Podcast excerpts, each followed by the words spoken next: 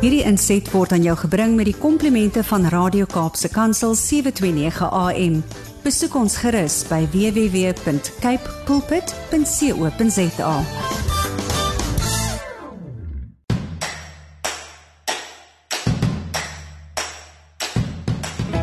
Nou ja, jy is ingeskakel by Radio Kaapse Kansel, die program Landbou Landskap. Dit is net na 7. Dit is die 5de November van 2022 reeds.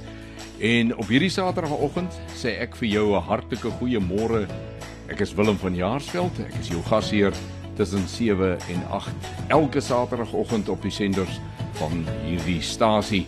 Ons saai uit op 729 AM, 729 MW en as jy elders in die land of in die wêreld is waar hierdie twee senders nie naby genoeg aan jou is nie, dan kan jy op die internet ook na ons luister.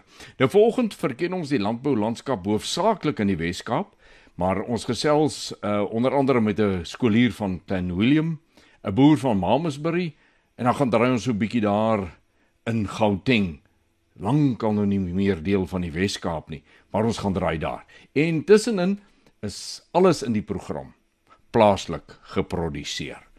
Om 10 voor 7 kom saad vir die saaier aan die beurt en ons lees vanoggend Johannes 15 vers 5. Die tema wingerd. Kapstok is om 7:20 aan die beurt en in Kapstok gesels kollega Gerda Leroux met Marius Smit. Nou Marius is 'n graad 10 leerder van Augsburg Landbou Gimnasium daarop Klein Willem. Uh, Marius is dan ook die wenner van sy skool se velkou snoei kompetisie wat vir skooliere aangebied is. En ja, hy was dan daai daai skool se se wenner gewees. In Huisenhart wat 7:30 begin in die eerste gedeel, gedeelte gesels Gerda met Robbie Eksteen van Mamasbury oor Amerika waar hy gaan draai het en dan kuilvoer maak in die Swartland. In die tweede helfte van Huisenhart gesels ek met Dewald Olivier oor sy pas afgelope besoek aan Dublin, Ierland waar hy gaan skouerskuur het met leiers van reg oor die wêreld in die rooivleisbedryf dan elders in die wêreld. Stories van hoop kom 10 voor 8 aan die beurt en vanmôre gaan ons so 'n bietjie in die gees van hierdie tyd van die jaar is ons matrikulante naalskou en asem ophou en alles gaan oor matriek af uh, uh eksamen ensovoorts. Ons gesels van oggend oor matriek van die lewe. Soos elke ander Saterdagoggend wil ek baie dankie sê aan Cape Pots varsprodukte mark wat dit vir ons moontlik maak om hierdie program te kan uitsaai. Ek nooi jou ook om met ons te gesels deur middel van ons WhatsApp en Telegram nommer 0817291657 of jy kan 'n SMS stuur na 37988. Jou e-pos rig jy aan wilhelm@capepulpit.co.za. Begin jou boodskap met landbou. Ons gesels net hierna verder. In vanmôre se program gaan ons definitief 'n bietjie meer aandag aan wingerd gee as wat ons aan uh, in 'n baie lang tyd gedoen het. Ja, ons gaan gesels met 'n jong man wat hom bekwam om 'n goeie uh snoeier van wingerd te kan wees en ons gaan in ons saad vir die saaier gedeelte ook so 'n bietjie kyk. Dit is 'n 'n saak wat al in die Bybel aangespreek is, hierdie ding van wynstokke en die snoei daarvan en dis meer.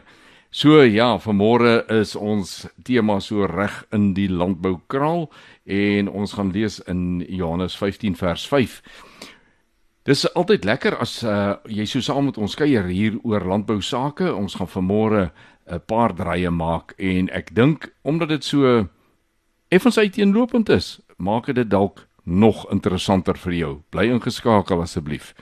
Dit het tyd geword vir saad vir die saaier en ons tema vanoggend wingerd en ons lees Johannes 15 vers 5. Daar staan dit is Jesus wat aan die woord is. Ek is die wynstok, julle die lote.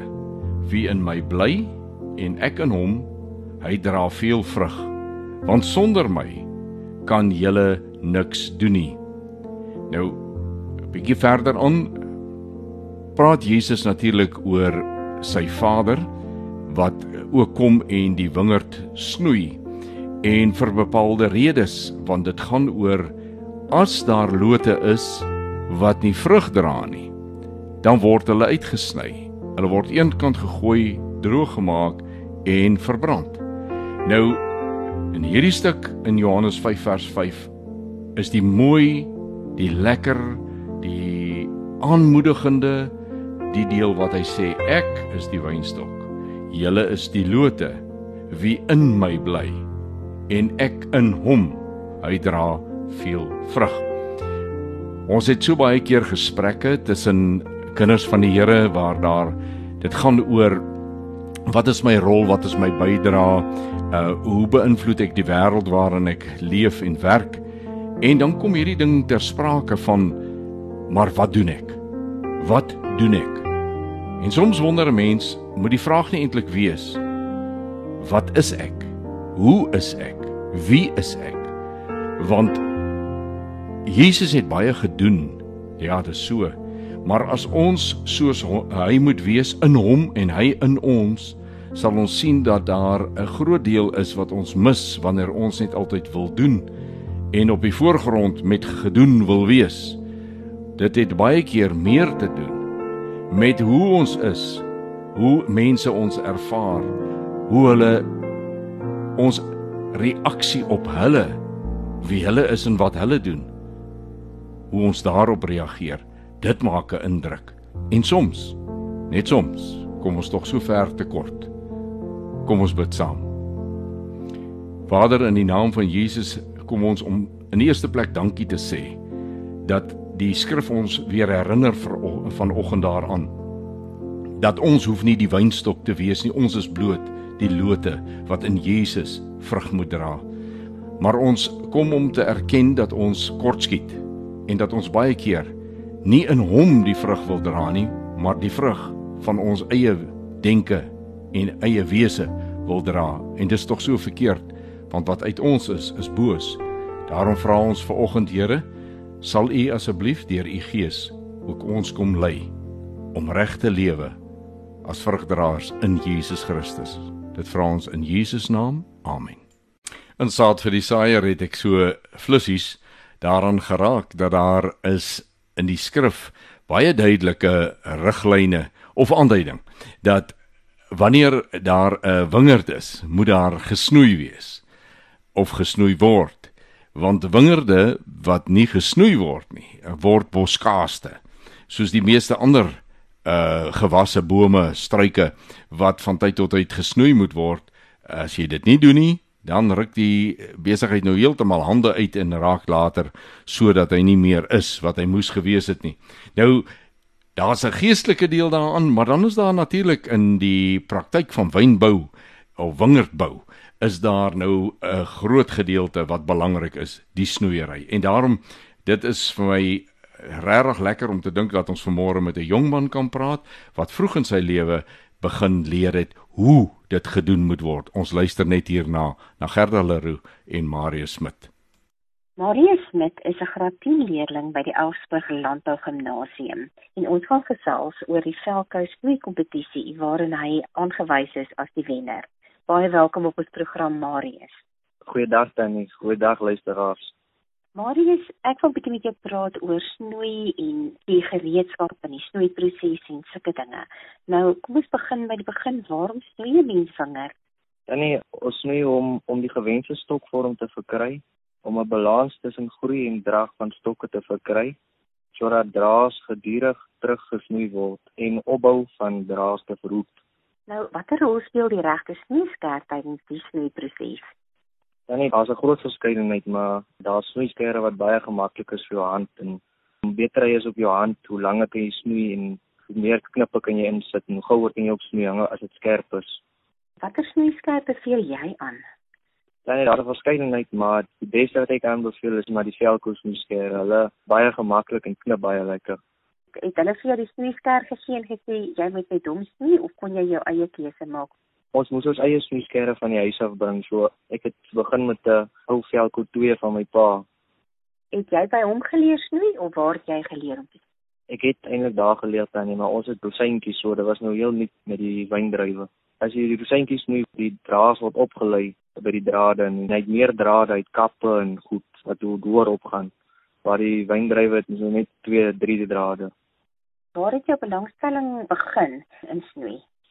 Dit dit het maar begin toe ons so winge begin plant het op die plaas en waar ons begin saam snoei het saam met die werkende mense. En my pa het 3 jaar terug winge begin plant die eerste rosientjies en in die lockdown het ons begin snoei. Dit was so saam met hom begin snoei ek en my broer hy vir ons geleer het. Dit is nogal baie lekker om eers snoei te maak want jy vorm die stok basies vir die res van sy lewe ek het was jy die wenner gewees in die veldkous nie kompetisie wat gehou is. Nou waarna kyk beoordelaars tydens hierdie kompetisie en waarvoor gee hulle punte?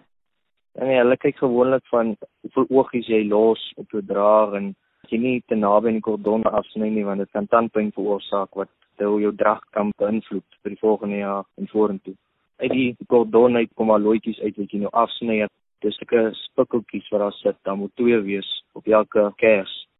Watter kant toe moet daai oogies wys? Moet hy buitekant toe wys, binnekant toe wys of is daar nie 'n spesifieke rigting waarin daai oogies moet lê nie? Dan daar is eintlik 'n rigting nie, is net baie keer is dit beter dat hy binne toe wys en ander keer is dit beter dat hy buite toe wys. Dit hang af hoe kers uitstaan of binne toe wys. Wat het jy al geleer tydens hierdie kompetisie van hierdie jaar? En ek het geleer jy moet vergeet van ander snoeiers en konsentreer net op jou eie ry en fokus op wat jy doen dan gaan dit sommer outomaties doen en die regte ding. Dit gaan net goed as jy kalm bly. Ek het geleer dat daar's 'n toekoms in die snoei. Soos so, as jy nou eendag op jou eie plaas is dat jy werkmense kan leer snoei wat nou nie inkom of so. Die snoei bepaal basies jou oes. So ek het geleer dat die snoei eintlik die belangrikste is in die hele wingerdsiklus. Jy moet nie staan en kyk nie, jy moet saam met die ouens saam snoei nie. Maak nie saak of jy nou 'n werknemer is of 'n werkgewer, jy moet saam met hom hierdie ding doen. Dis ek reg. Ja, dan jy moet fisies in die blok betrokke wees en kyk dat die mense dit goed reg doen en sommer self jou eie ry ook vat. Het jy 'n boodskap aan ander skooliere wat wil deelneem aan so 'n tipe kompetisie? Ek sê hulle moet dit doen want daar's 'n toekoms in snoei. Hulle moet elke geleentheid vat wat deur hulle pad kom hulle moenie bang wees oor die al die negatiewe dinge nie. Hulle moet net hulle drome volg, nou nou snoei. Marius, baie geluk met hierdie kompetisie wat jy gewen het en dankie vir die voorbeeld wat jy stel en die wonderlike boodskap wat jy vir jou medeleerders en jong mense gegee het. En sterkte met jou loopbaan en jou toekoms. Dis reg, dankie Tannie. Ek het nou in hierdie onderhoud wat uh Gerda gevoer het met Marius Smit, het ek nou sommer 'n paar dinge gehoor wat vir my verskriklik aangegryp het. En uh ek dink alles dit nou in 'n nuus geleef wat ons nou hierdie uitgesaai het, wil ek tog met u deel. Was dit nie kostelik om te hoor? In die eerste plek sê hy hy het by sy pa die dinge begin leer en later is hy nou baie meer deur ander formeel geleer, wil ek amper sê formeel, maar die praktyk het hy by sy pa gekry. Die ander deel wat vir my pragtig is, is as jy die regte toerusting gebruik, dan kan jy soveel meer doen. Jy kom soveel verder en kan jy jou werk beter doen. Is eintlik 'n mooi beginsel in die lewe. As jy reg toegerus is vir 'n sekere taak, dan kan jy soveel langer aanhou om presies dit te doen.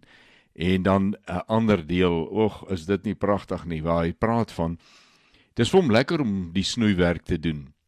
Want hy besef daar die eerste snoei uh werk wat hy doen, die eerste snye, die eerste afknip hier die regte manier op die regte plek, bepaal eintlik die hele toekoms van daardie plant. Die plant se produksie vermoë, die vorm wat hy gaan hê in die lig wat ingelaat word, uh om by die blare en by die vrugte en die dies meer uit te kom.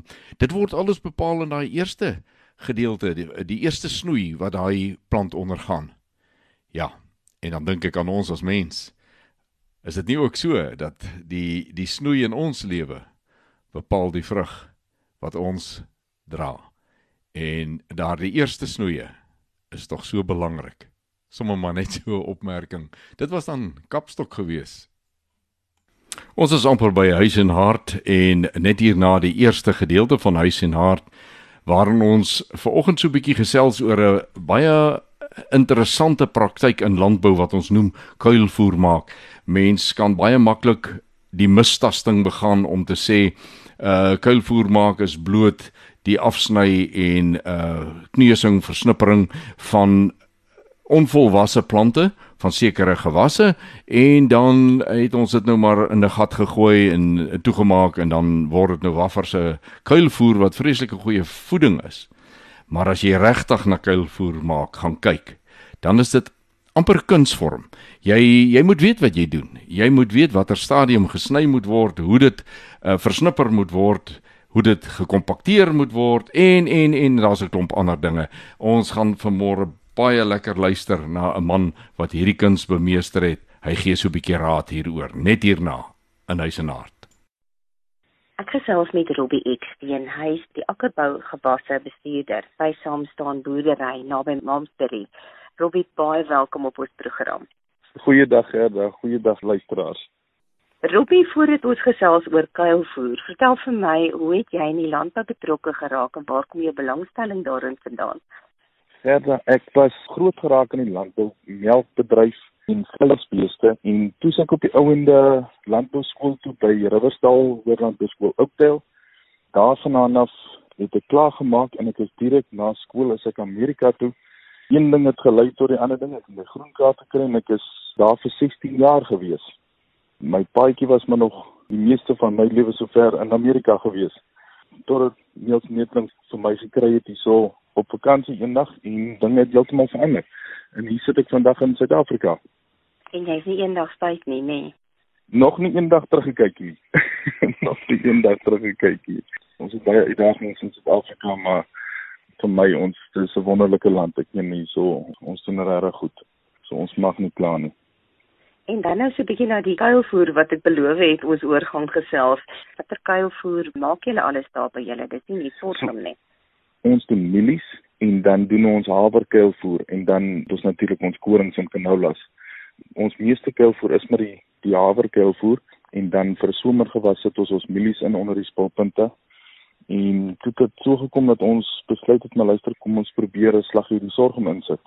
En so het ons laas jaar het ons so 120 hektaar se sorghum ingesit en op die ouende baie goed uitgedryf vir ons wat het julle gevind toe julle nou die sorghum ingesit het? Wat was die verandering geweest?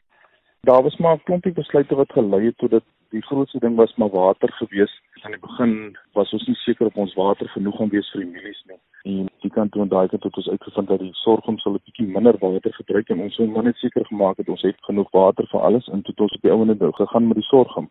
So ja, die sorghum het so ek het baie goed uitgedryf vir ons op die einde. Wat is die basiese beginsels vir kuilvoer maak?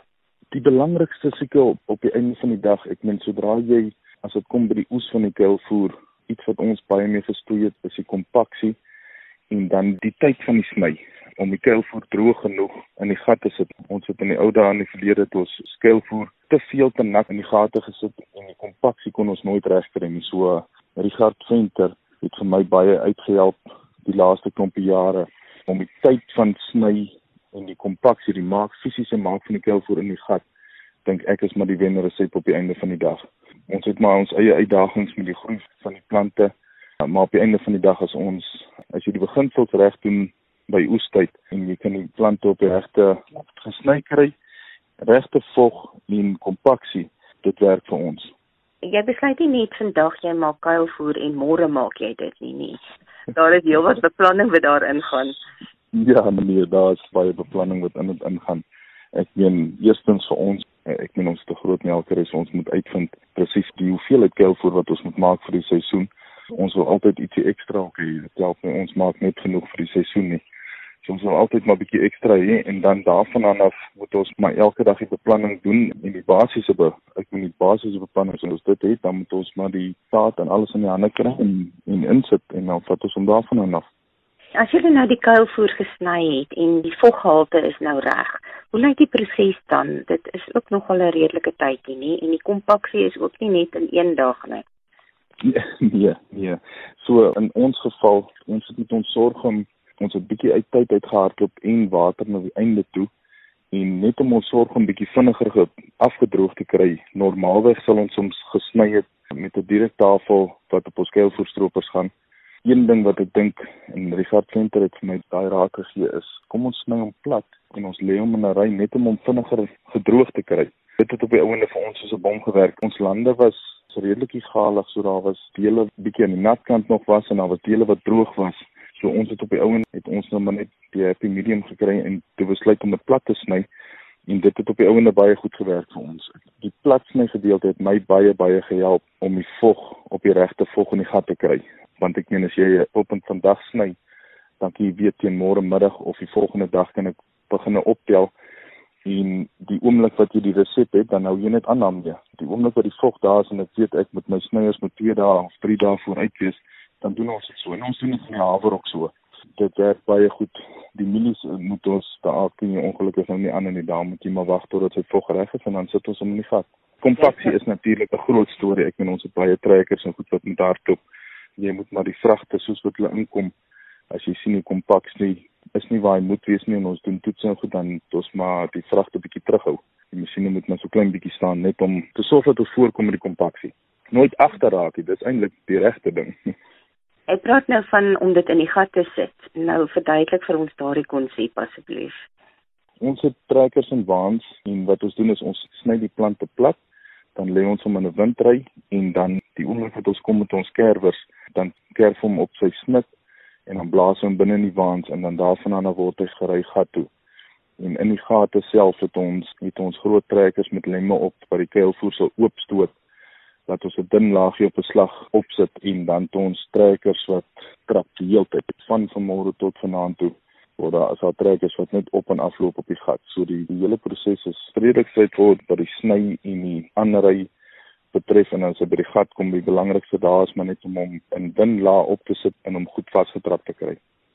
En ons kan nou vir baie lank aan mekaar gesels, maar 'n laaste ding hierso, wat sou die voordele vir jou wees om kuilvoer te maak? Die voordeel op die einde van die dag gaan dit uit en uit oor die melker en oor die beeste en die voeding van die beeste. So die belangrikheid daarvan is maar om te sorg in eerste plek dat ons genoeg voer, het vir die beeste en dan soos ek sê ons probeer ons beste om ons het al baie veranderings gebring in ons kompaksie water in binne te sit 5-36% droë materiaal en dan om so vas as moontlik getrap te kry. As jy nou 'n boodskap het vir ander jong boere in ons land, watse boodskap sou jy vir hulle gee? Ons raak verskriklik negatief, eintlik te vinnig negatief. Ons leef eintlik soos konings baie keer in die land en ons kla verskriklik met 'n witbrood onder die arm. En dit dis iets wat ek bevind het en en iets wat ek doen. 'n Glas is vir my half vol voordat hy half leeg is. Ek gaan die positiewe vat uit alles uit. Soos ek sê, ek meen 16 jaar in Amerika. Almal sal nou toe kom en veel vertel dat Amerika is maanskyn en rose. Hulle het ook maar hulle kopsere. En in my geval, familie, familieteit en net om 'n breekie te kry, dit maak 'n groot verskil dit is regtig iets wat ek gevind het in Amerika. Ek meen Amerika was my baie goed gewees en ek het bitter baie geleer. Maar as 'n jong boer in Suid-Afrika, ek glo as jy jou kop op die grond hou en jy wil werk en 'n regte toekoms maak in die land. Dokter baie dankie vir hierdie boodskap van jou en baie seën en voorspoed vir julle boerdery. Selfde gerda, duisend dankies. En heel laastens, waar kan jy gekontak word vir verdere inligting? Ek kan gekontak word op my selfoonnommer enige tyd 072 662 3109. Ek gesels vandag met meneer Dewald Olivier. Hy is die hoofuitvoerende beampte van die Voerkraal Vereniging van Suid-Afrika. Goeiedag Dewald.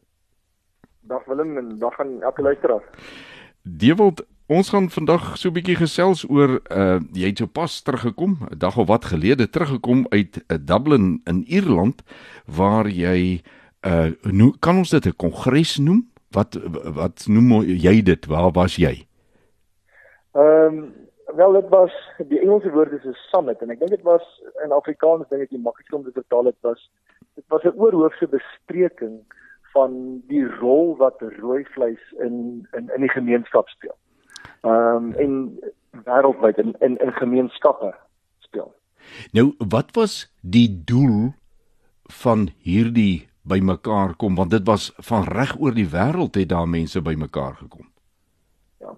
So die die program was opgedeel in in in vier dele en ehm um, dit het eers gegaan oor die omgewing en tweede plek natuurlik oor die diere self en dan gegaan oor ehm um, die sagter soos ek wil sê die sagter sake soos uh die hele etiek rondom rooi vleis en dan op die einde van die dag rondom beleidsbeginsels ehm um, afdwinging van sekere beleide wetgewing en dis meer. So dit is die vier bene wat aangespreek is tydens hierdie ehm um, kom ons noem dit maar 'n seminaar.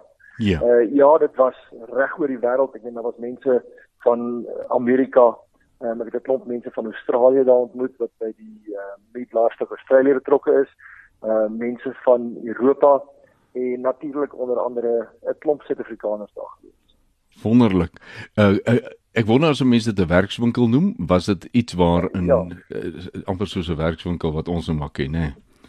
Dit sal 'n werkswinkel wees, ja. Ja. Nou die voerkraal vereniging moes tog 'n rede gehad het waarom jy afgevaardig is om namens hulle uh, die voerkrale as uh, as kollektief. Hoekom jy daar moes wees en vir hulle 'n boodskap terugbring. Wat was die motivering wat jou soontoe gevat het? Ek Willem, ek dink Suid-Afrika en ons as 'n rooivleisbedryf um, het natuurlik 'n groot bedreiging rol. Hmm. Die diere siektes. Maar ek dink ons mis baie keer 'n baie groter bedreiging in, in ons bedryf. En dit is die hele um, beweging van uh vegetariërs ehm um, die hele alternatiewe diere of alternatiewe ehm um, proteïenebronne en op die einde van die dag natuurlik die die hele ehm um, sustainability of herlewings uh aanslag wat daar is op ons bedryf. Die rooivleisbedryf in die wêreld is natuurlik onder geweldige druk ehm um, van regerings en van aktiviste wat sê dat die rooi vleis en die die die eet en, en werk en die sneer van rooi vleis totaal en al verbied en verbân moet word. Ehm um, op 'n paar vlakke soos wat ek nou genoem het as gevolg van die hele vegetariese aanslag en natuurlik ook van van die koolstofvoetspoor wat gelos word as gevolg van of deur diere. En dit weer eens ek wil net dit is so groot aspek in die eerste wêreldlande dat ons in Suid-Afrika baie keer vergeet dat dat daar so 'n aanslag is want ons sien dit nie elke dag um, op ons TV's en advertensieborde en dis meer nie. Um, maar dit is 'n is 'n werklikheid in die res van die wêreld. Nou, ek het gesien in die ek noem dit dan nou maar die advertensies of die bekendstellingsdokumente wat gesirkuleer is oor die werkswinkel dat daar gepraat word hulle wil graag na wetenskaplik gefundeerde bewyse beweeg wanneer daar gepraat word oor byvoorbeeld metaangasvrystelling, die CO2 omskakeling van ruminante en dies meer. Nou dit het my die idee gegee dat as hulle sê ons moet wetenskaplik gefundeerd debat voer, dan beteken dit mos dan is daar 'n nie wetenskaplike uh debat wat ook gevoer word. Het jy daarmee te doen gekry daar?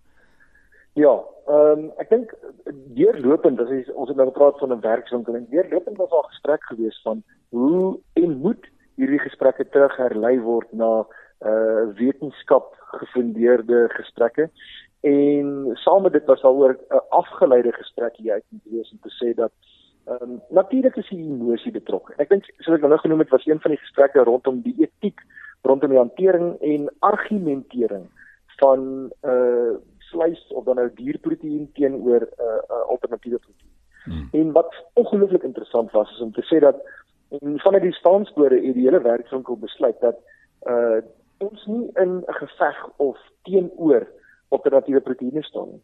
En dat daar 'n plek vir almal is, ons moet net ons regmatige plek opneem binne in die totale omvang van proteïene. En dit was ongelooflik om te verstaan dat hierdie ouens die die navorsers, die ek wil sê die dokters en die professors en Jan Alleman wat dit bygewoon het.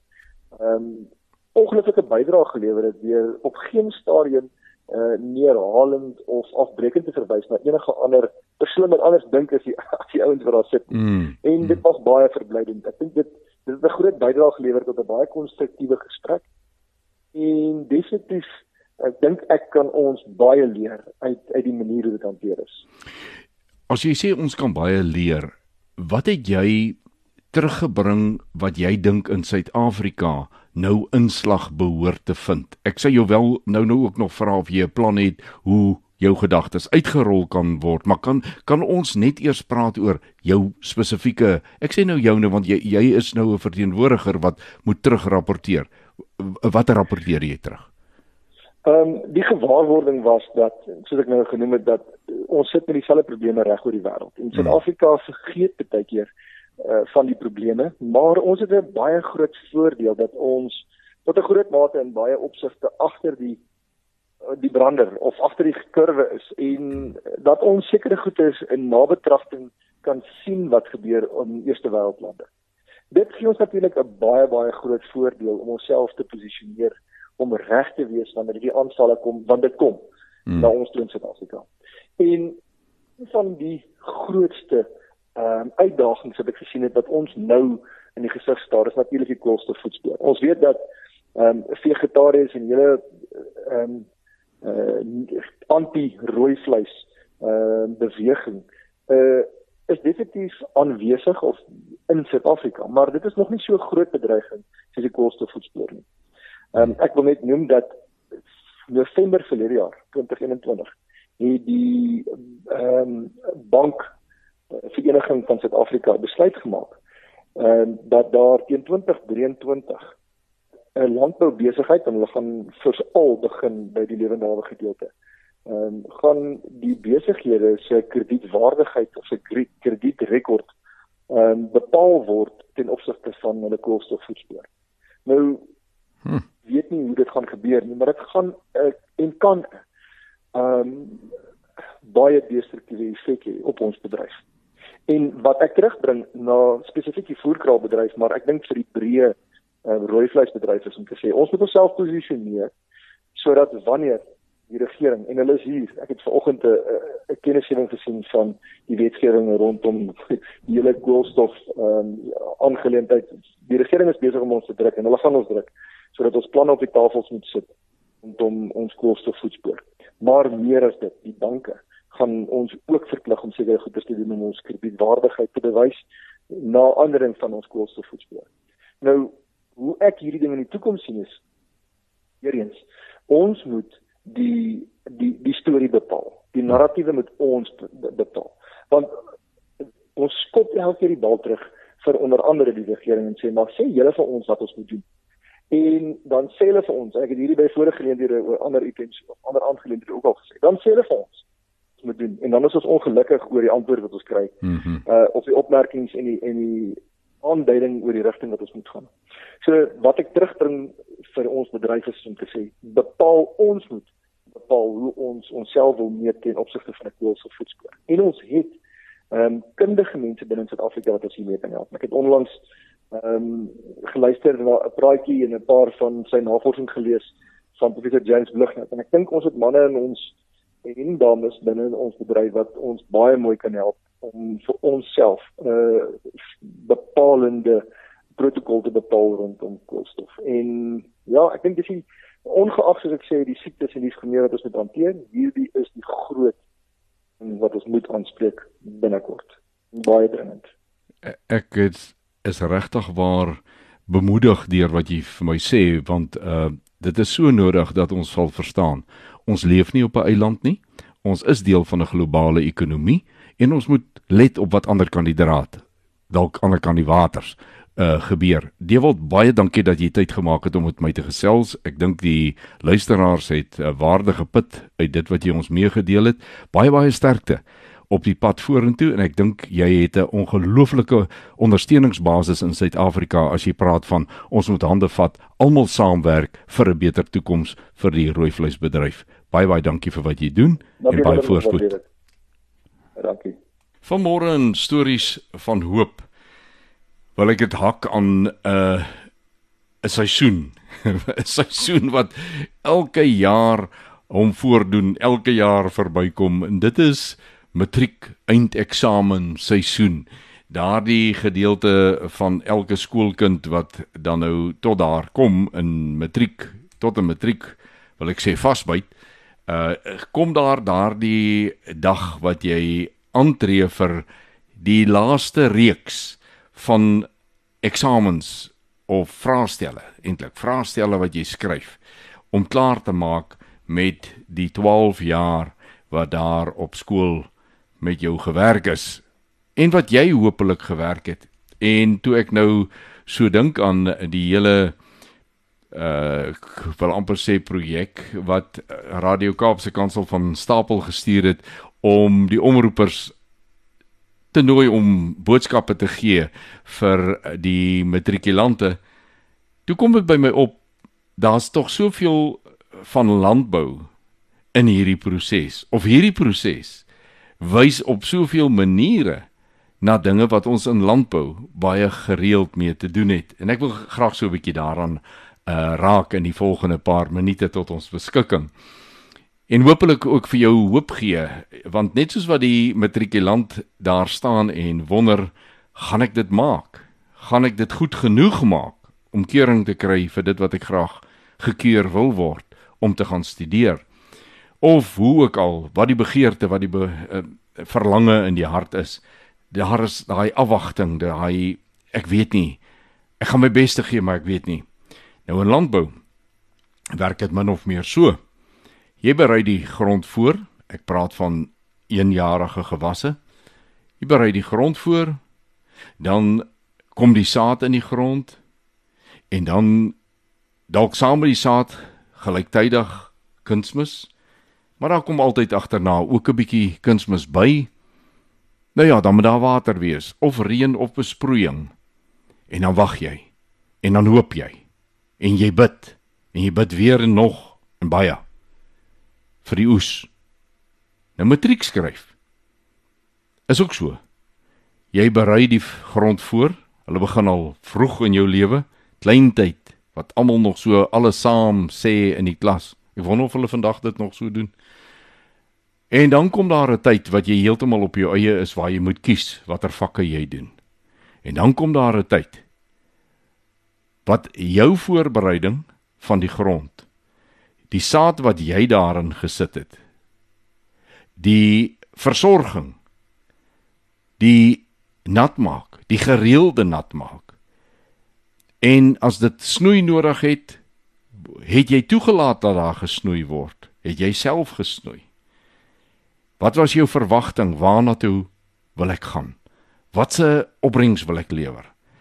Of al hierdie dinge wat ek meemaak wat moet dit lewer? Wat se oes moet daar wees? So om hierdie tyd van die jaar te kom na 12 jaar en te wonder my het ek ooit topbemesting gegee? Het ek daai ekstra kunsmis gegee toe dit nodig was? Want as jy dit nie gedoen het nie dan gaan dit nou nie lekker werk nie die tonnemaat wat jy op gehoop het gaan nou nie realiseer nie dit gaan nou 'n bietjie minder wees. Maar as alles reg gedoen was en die tyd van die reën was presies net genoeg op die regte tyd, die son het saamgewerk, alles het saamgewerk. Dan kan jy opgewondenheid wees. Gaan dit nie dalk 'n bo-normale, bo-verwagting seisoen of oes wees nie. Nou wil ek dit so 'n bietjie vat na na matriek En elke ene wat daai pad geloop het en nou al 'n klompie kilometers op die pad daarna ook agter die rug het, vra jouself hierdie vraag. Het dit regtig verander? Het dit regtig verander toe jy huis opgesit het? Het dit regtig verander elke keer wat jy gewissel het tussen werkgewers of besighede wat jy begin het en later 'n ander een begin het? Het dit regtig verander van toe jy matriek geskryf het? Herhaal hierdie resep om nie maar nie. Daar's altyd die voorbereiding, daar's altyd die saad. Daar is altyd die kunsmis, daar's altyd die reën en die son en die verwagting van 'n oes. En na die mate wat ons hiermee omgaan, na die mate van jou onverskilligheid of na die mate van jou toegewydheid, lewer die lewe vir jou die oeste elke ene op sy tyd. Elkeen na gelang jou bydra was. O en dan as jy die verkeerde gewas geplant het vir die area waar jy is. Wat 'n gemors. En ons ons plant baie keer verkeerde saad. Die Here se bedoeling in ons lewing lewe was dat jy 'n sekere saad sou gesaai het of dat hy dit in jou lewe sou saai. Toe saai jy self en jy saai saad wat nie akkodeer met die saadland wat hy geskep het nie. Ek wil jou vanmôre bemoedig. Dis nooit te laat nie. Dis nooit te laat nie. Jy kan matriek weer skryf as jy wil, maar jy kan ook die toetse van die lewe weer skryf. Maar sorg dat jy hierdie keer die regte mentor het, Jesus Christus. Nou ja, so deur die wingerd, deur die voerkraal en ook deur matriek het ons dan aan die einde gekom van vanoggend se uurlange samekuier hier op Landbou Landskap en dit was vir my lekker om jou hier te hê. Ek hoop ek sien jou volgende moet ek nou sê ek hoor jou. Nee, jy hoor my volgende week. Volgende Saterdag tussen 7 en 8 op dieselfde sender, dieselfde radiostasie, weer Landbou Landskap. Dit is 'n voorreg vir my om jou gasheer te wees. Nooi jou vriende, jou familie om saam te luister, sê vir hulle waar om dit te kry en dan luister hulle ook saam. Ons sê baie dankie vir Cape Pots varsprodukte mark wat hierdie program ondersteun sodat dit moontlik is om hom uitgesaai te kry. Onthou om met ons te gesels op uh, WhatsApp en Telegram op die nommers wat ek gegee het. Jy is baie welkom. Inteendeel, ek vra asseblief gesels met ons dan weet ons ook wat sê jy. Tot ons dan weer saam kuier volgende Saterdag om 7 groet ek Willem van Jaarsveld en mag jy elke oomblik Vader se guns op jou lewenspad beleef. Wederom. Hierdie inset was aan jou gebring met die komplimente van Radio Kaapse Kansel 729 AM. Besoek ons gerus by www.cape pulpit.co.za.